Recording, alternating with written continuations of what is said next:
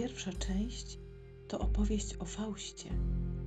Jego szept unosi się i przycicha, zawiesza i znów powraca, jakby i on miał swoją partyturę i czytał ją jak mapę.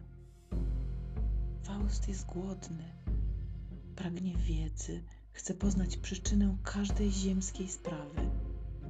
Oddaje diabłu duszę, nie wiedząc, że odtąd jego przekleństwem będzie nienasycenie.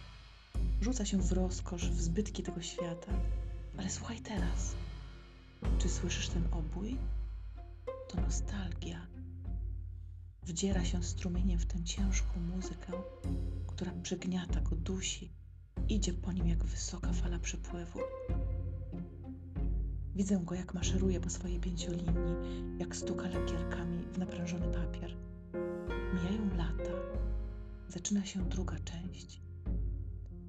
Pojawia się Małgorzata.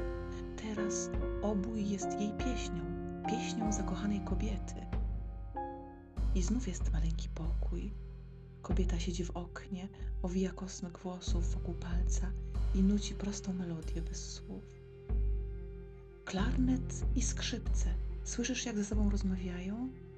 Jej miłość do Fausta jest odwzajemniona. To miłosny dialog oddechu i strun, ust i włosów. Słyszysz? Feri, Feri, powtarza dziewczyna, ale oto mija czas i nadchodzi część trzecia. To najważniejsza ze wszystkich opowieści, szepcze mężczyzna. Pojawia się Mefistofeles. Przychodzi po duszę Fausta. Ale czy go słyszysz? Czy słyszysz jego nuty? Z ołtarza nadpływa głośna, nierówna muzyka. Podnosi się, natęża, wykręca.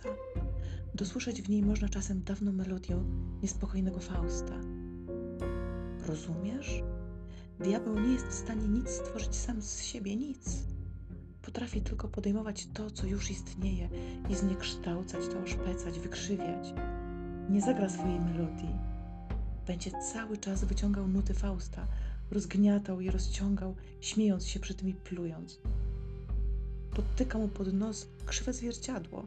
Jedynie to umie robić niszczyć to, co już jest. Nigdy nie będzie stwórcą, nigdy nie będzie artystą. Tylko jedna melodia pozostaje nietknięta. To pieśń Małgorzaty. Wyłania się spod diabelskich łuków i przesunięć i wybrzmiewa dalej, nienaruszona, ciągła, łagodna. Ona jedyna ze wszystkich nut, ze wszystkich instrumentów. Miłość. Maleńki pokój. Feri rozczesuje włosy dziewczyny w pięciolinię. Wzdłuż niej opada jasny, skręcony kosmyk, który zsunęła z palca. Kosmyk biegnie przez całą melodię, przez całe rozdarte życie, a ja w bezradności diabła widzę nagle sedno wszystkich innych historii.